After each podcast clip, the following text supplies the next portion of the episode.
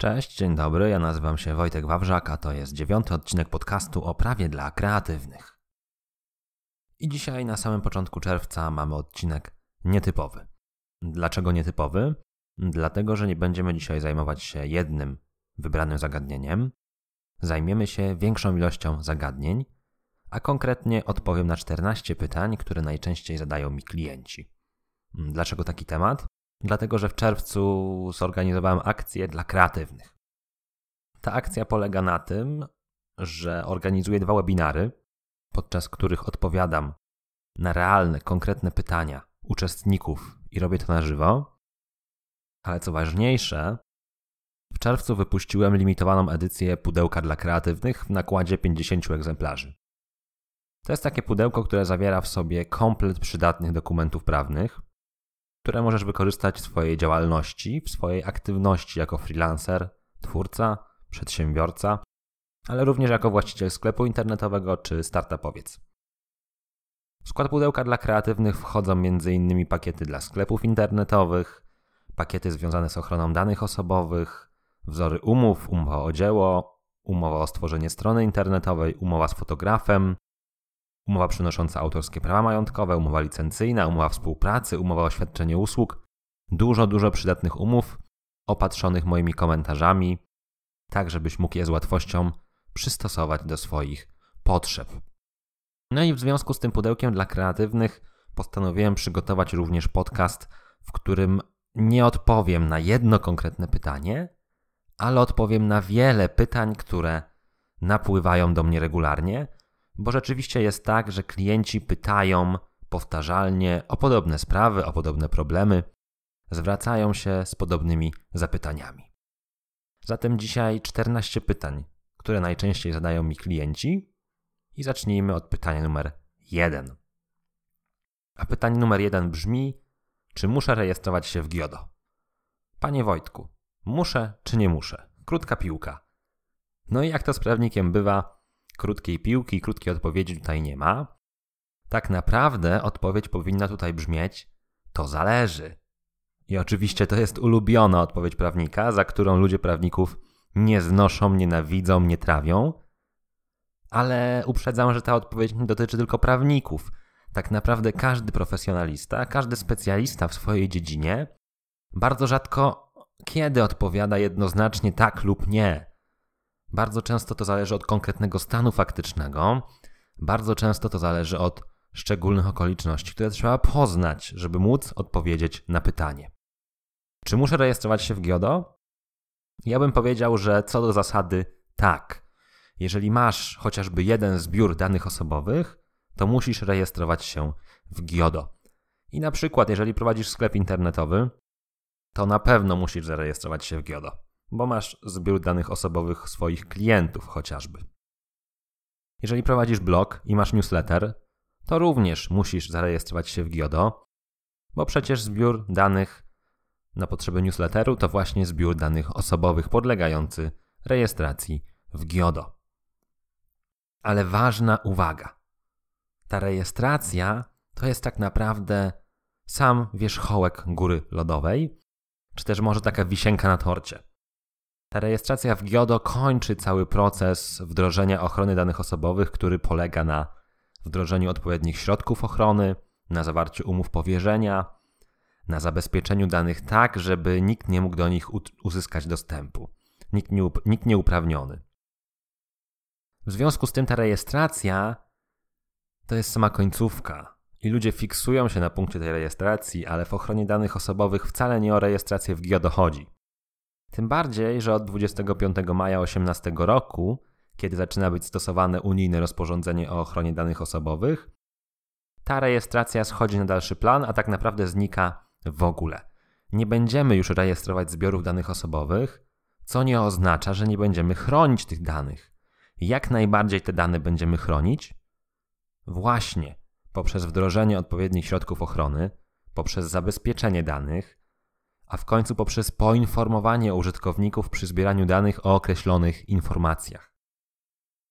Zatem w dalszym ciągu chronimy dane osobowe, ale odchodzimy od tego formalistycznego podejścia rejestracji, bo ta rejestracja tak naprawdę jest końcowym etapem, na którym za bardzo wszyscy się zafiksowali, zapominając, że to nie o rejestrację chodzi. Ok, i to byłoby pierwsze pytanie. Ja nie odpowiadam szczegółowo.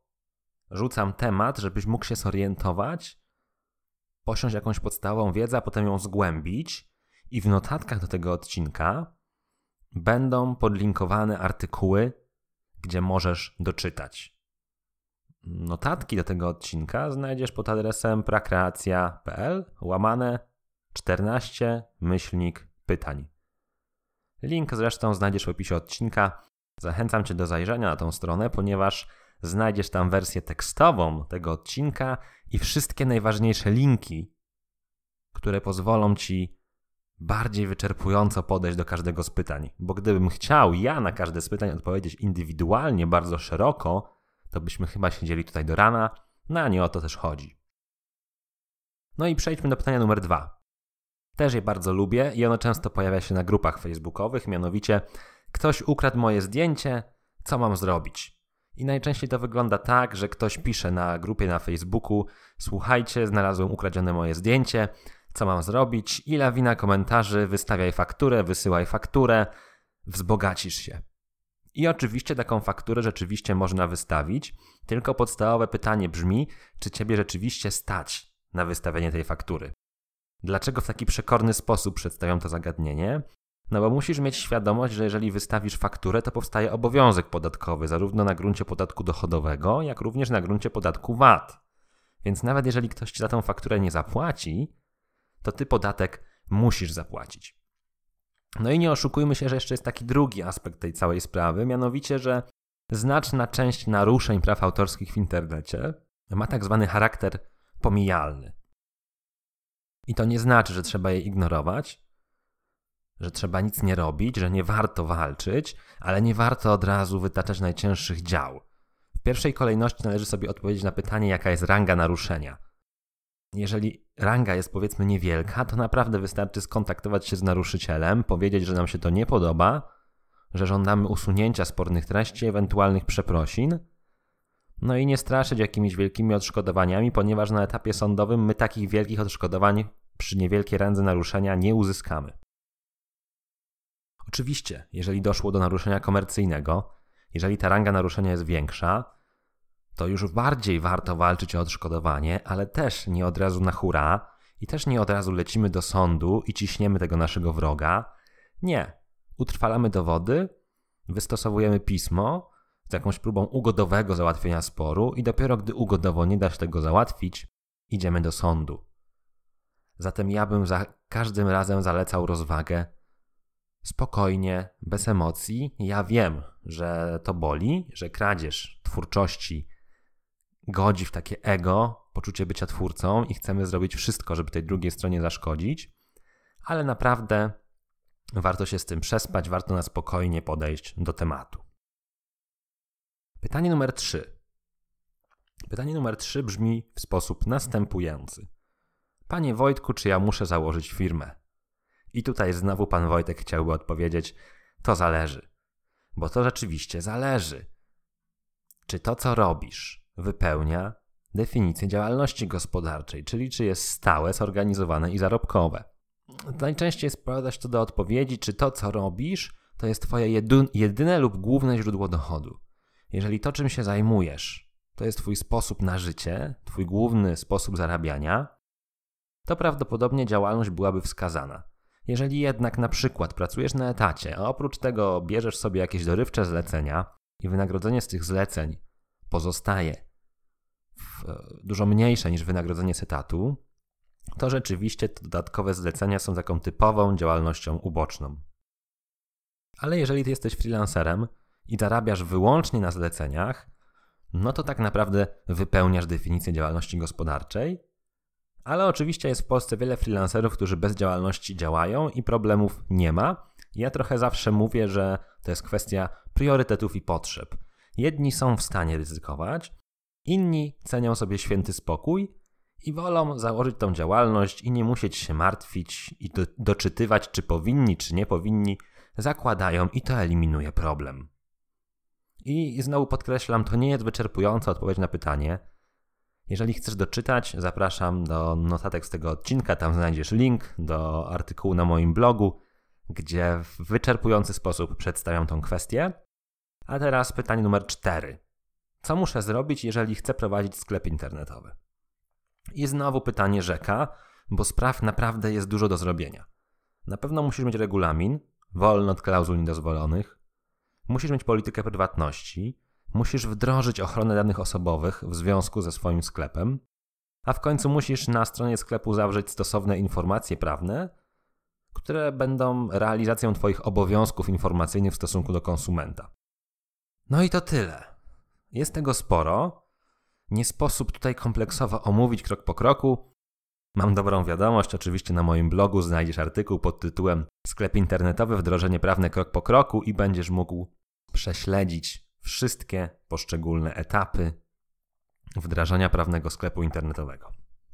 A my tymczasem szybko lecimy do pytania numer 5. A pytanie numer 5 brzmi: czy mogę zawrzeć umowę przez e-mail?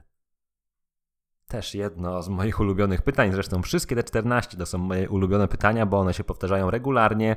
Ja już mam wypracowane odpowiedzi, a teraz umieszczam je w podcaście, umieszczam je na blogu, żeby w jednym miejscu mieć taką ściągawkę, móc odsyłać tam klientów. Bo to jest naprawdę wygodne, kiedy możesz odesłać klienta do czegoś, co zostało już napisane i nie musisz po raz kolejny pisać tego samego w mailu na przykład.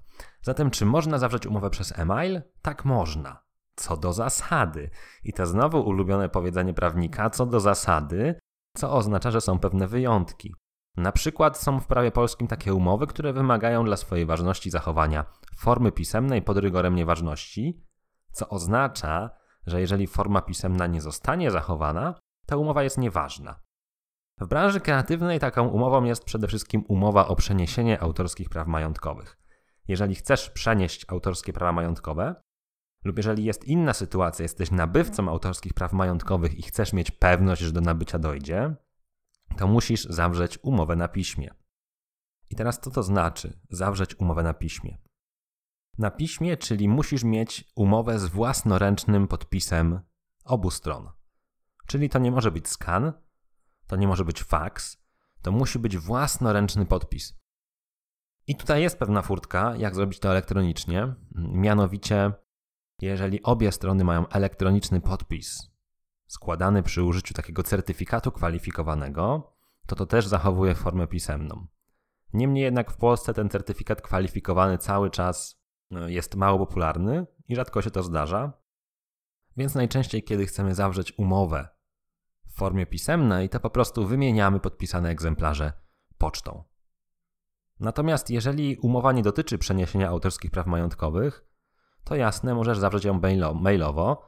Możesz wymienić maile z y, konkretnymi ustaleniami i to też będzie umowa. Natomiast wiadomo, co jest na piśmie, co jest w jednym dokumencie, zawsze łatwiej w przyszłości będzie udowodnić treść takiej umowy, niż odczytywać maile i kompletować korespondencję, próbując wykazać rzeczywistą treść umowy. Pytanie numer 6. Pytanie numer 6 brzmi: jak mogę chronić swój pomysł? I to jest pytanie, które najczęściej pada w kontekście ochrony pomysłu na kampanię reklamową, na książkę, na jakiś inny projekt, który uważamy za cenny dla nas i chcielibyśmy go ochronić, żeby ktoś nam po prostu go nie ukradł. Czy taka ochrona jest możliwa? Tak, jest ona możliwa, ale nie jest ona prosta. Nie jest ona prosta dlatego, że sam pomysł nie korzysta z ochrony na gruncie prawa autorskiego. Czyli pomysł nie jest chroniony jako utwór. Prawa autorskie chroni utwór, czyli jak gdyby sposób wyrażenia pomysłu. Sam pomysł na genialną książkę istniejący w mojej głowie jeszcze nie podlega ochronie. Ja muszę tę książkę napisać, żeby dopiero ta książka korzystała z ochrony prawa autorskiego. Niemniej jednak są pewne furtki, żeby ten pomysł rzeczywiście chronić. I taką furtką jest chociażby umowa o zachowaniu poufności. To jest umowa, w której mówimy drugiej stronie, że to, co jej przekazujemy, jest poufne i zakazujemy jej rozpowszechniania tych informacji poufnych lub wykorzystywania ich do własnych celów. A jeżeli ta osoba mimo to naruszy tą poufność, to będzie zobowiązana nam zapłacić karę umowną. Czyli jest to taki straszak, ma zdyscyplinować drugą stronę, pokazać jej, że my znamy możliwości prawne, nie zawahamy się ich użyć. No i ma nam pomóc również egzekwować roszczenia, gdyby ktoś mimo wszystko zdecydował się naruszyć poufność, bo dochodzenie roszczeń z takiej umowy jest stosunkowo proste. My musimy wykazać, że doszło do naruszenia poufności i należy nam się kara umowna. Oprócz umowy o zachowaniu poufności jest jeszcze w Polsce taka ustawa o zwalczaniu nieuczciwej konkurencji. I ona też często jest wykorzystywana tam, gdzie zawodzi prawa autorskie. Jeżeli nasza konkurencja wykorzystuje coś, co stworzyliśmy, co było w naszej głowie, ale nie korzystało z ochrony prawa autorskiego, to możemy powołać się na ustawę o zwalczaniu nieuczciwej konkurencji i zarzucić drugiej stronie dopuszczenie się czynu nieuczciwej konkurencji. Najczęściej to polega na korzystaniu z jakiejś renomy, z jakichś rozwiązań, które my wypracowaliśmy, które my, w które my zainwestowaliśmy, a druga strona, próbując nawiązać do naszych starań, do naszych wysiłków, wykorzystuje naszą pracę, oszczędzając sobie w ten sposób trudu i pieniędzy. No i wtedy mamy do czynienia z czynem nieuczciwej konkurencji, i ta ustawa o zwalczaniu nieuczciwej konkurencji przychodzi nam z pomocą. Zatem, mimo że pomysł nie korzysta z ochrony prawa autorskiego, to jednak są furtki, żeby siebie chronić w tym przypadku. Pytanie numer 7. Czy mogę wysyłać wiadomości ze swoją ofertą do różnych firm? Na to pytanie całkiem niedawno odpowiadałem na blogu. Oczywiście link znajduje się w notatkach do odcinka. Ja tylko powiem, że nie, nie możesz. Nie można wysyłać wiadomości marketingowych bez uprzedniej zgody i to niezależnie, czy po drugiej stronie jest konsument, czy jest przedsiębiorca. I owszem, o ile w przypadku firm ustawa o ochronie danych osobowych i ustawa o świadczeniu usług drogą elektroniczną nie będzie tutaj uniemożliwiała takich działań, to należy pamiętać, że istnieje jeszcze prawo telekomunikacyjne, które ma chronić przed marketingiem bezpośrednim również adresy firmowe. Tak jak mówiłem, więcej na blogu, zapraszam. A teraz przechodzę do pytania numer 8, czyli jak uzyskać zgodę na rozpowszechnianie wizerunku. I to jest trochę taki temat podobny do tego, czy ja mogę zawrzeć umowę przez e-mail, bo to pytanie zmierza do tego, czy rzeczywiście taką zgodę na rozpowszechnianie wizerunku ja mogę uzyskać po prostu przez e-mail. I odpowiedź brzmi: tak możesz. Zgoda na rozpowszechnianie wizerunku może być wyrażona w dowolnej formie. W pisemnej, w mailowej, w elektronicznej, w ustnej czy nawet w sposób dorozumiany. Problem polega na tym, że taką zgodę musisz być w stanie wykazać w przyszłości, gdyby doszło do sporu. Czyli jeżeli Kowalski zarzu zarzuci ci, że wykorzystałeś jego wizerunek bez zgody, to ty będziesz musiał móc wykazać, że on taką zgodę wyraził. Dlatego zgoda na piśmie się przydaje, Dlatego na piśmie najlepiej, a jeżeli nie na piśmie, to chociaż w mailu. No i w pudełku dla kreatywnych znajduje się na przykład wzór zgody na wykorzystanie wizerunku oraz wzór umowy o wykorzystanie wizerunku, bo to rozwiązuje się niekiedy prostym oświadczeniem, a niekiedy zawiera się umowę, w zależności od tego, co ma być z tym wizerunkiem robione i w jakim kontekście. Należy tutaj jednak wspomnieć, że jeżeli uzyskujemy zgodę na rozpowszechnianie wizerunku, to warto, żeby ta zgoda była dookreślona czyli wskazywała sposób wykorzystania tego wizerunku i jego czas. Bo to nie jest tak, że ktoś może wyrazić zgodę na rozpowszechnianie wizerunku swojego w ogóle. Nie. Zgoda musi zawsze dotyczyć konkretnego użytku. Czyli na przykład ktoś godzi się na wykorzystanie jego wizerunku w internecie, ale już nie godzi się na billboardach. I to wszystko w takiej zgodzie na rozpowszechnianie wizerunku powinno być opisane. Ok, dziewiąteczka. Czy muszę mieć kasę fiskalną? Ach, te pytanie również pojawia się bardzo często. I ja powiem tak. Konieczność posiadania kasy fiskalnej związana jest z prowadzeniem sprzedaży na rzecz osób nieprowadzących działalności gospodarczej. Czyli jeżeli ty świadczysz usługi bądź sprzedajesz towary na rzecz konsumentów, to powstaje potencjalnie obowiązek rejestracji takiej sprzedaży z wykorzystaniem kasy fiskalnej. Ale jest na szczęście rozporządzenie, które przewiduje możliwe wyjątki, czyli zwolnienia od konieczności posiadania kasy fiskalnej. I w internecie takim najpopularniejszym wyjątkiem to jest oczywiście w, w pierwszej kolejności to zwolnienie do wysokości sprzedaży. Jeżeli Twoja sprzedaż na rzecz osób fizycznych nieprowadzących działalności gospodarczej nie przekracza w skali roku 20 tysięcy złotych, to nie musisz takiej sprzedaży fiskalizować. Natomiast, nawet jeżeli przekracza, to jeszcze nie jest wszystko stracone, szczególnie w przypadku działalności internetowej, dlatego, że jeżeli ty świadczysz usługi bądź sprzedajesz towary, za które otrzymujesz zapłatę na rachunek bankowy i możesz każdą płatność przypisać do konkretnego zamówienia, to również nie ma konieczności posiadania kasy fiskalnej. I tak jak przy wszystkich pytaniach, szczegóły znajdziesz podlinkowane w notatkach do tego odcinka. Zachęcam do zajrzenia. A pytanie numer 10 brzmi: jak zabezpieczyć się przed nieuczciwym klientem? Czyli co zrobić, żeby klient nam zapłacił? I tutaj tak naprawdę odpowiedź jest jedna, najprostsza: pracuj w modelu płatności z góry. Czyli nie przystępuj do pracy, dopóki nie dostaniesz płatności. Najprostszy, najbardziej bezpieczny sposób, aczkolwiek w dalszym ciągu kontrowersyjny. W dalszym ciągu wiele osób z jakichś względów nie chce bądź nie może w takim modelu płatności pracować. I wtedy też jest kilka opcji, jak możesz z tego wybrnąć. Możesz przewidzieć na przykład zaliczkę bądź zadatek w jakiejś wysokości, a możesz przewidzieć również, że na przykład przeniesienie autorskich praw majątkowych bądź udzielenie licencji nastąpi dopiero z chwilą otrzymania całości zapłaty.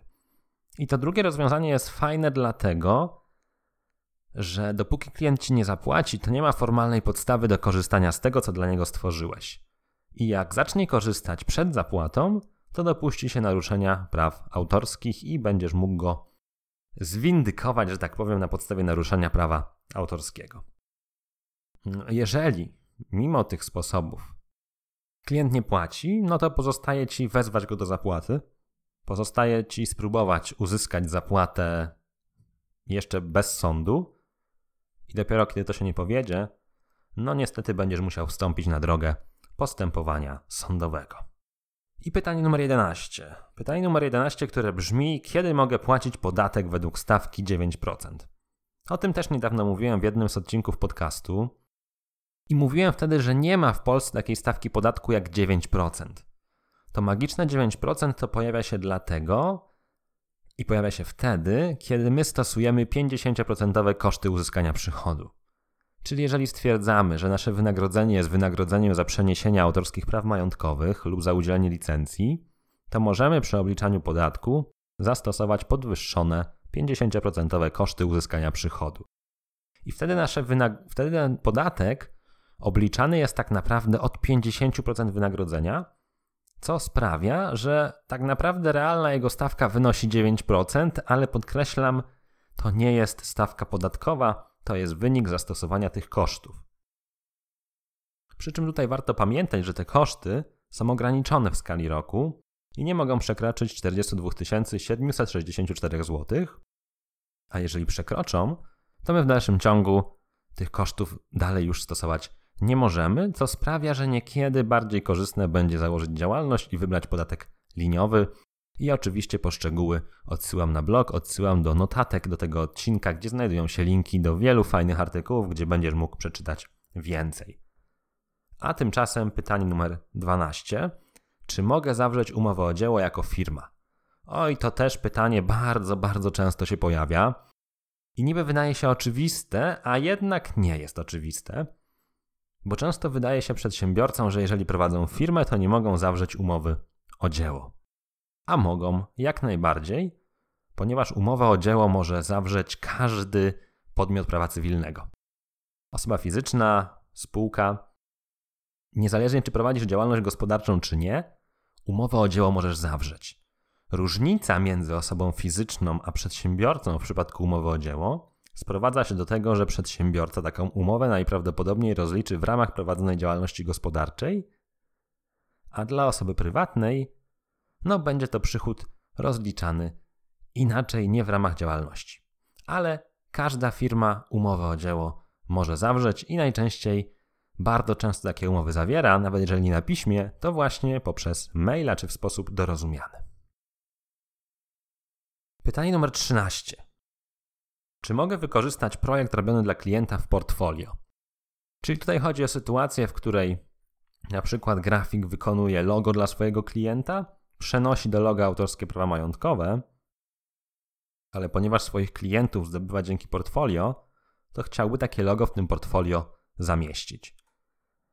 I często, gdy wątek portfolio zostanie pominięty w umowie, między klientem a twórcą pojawia się spór, bo dla twórcy było oczywiste, że w portfolio zawsze może, a dla klienta było oczywiste, że to nie zostanie wykorzystane w portfolio.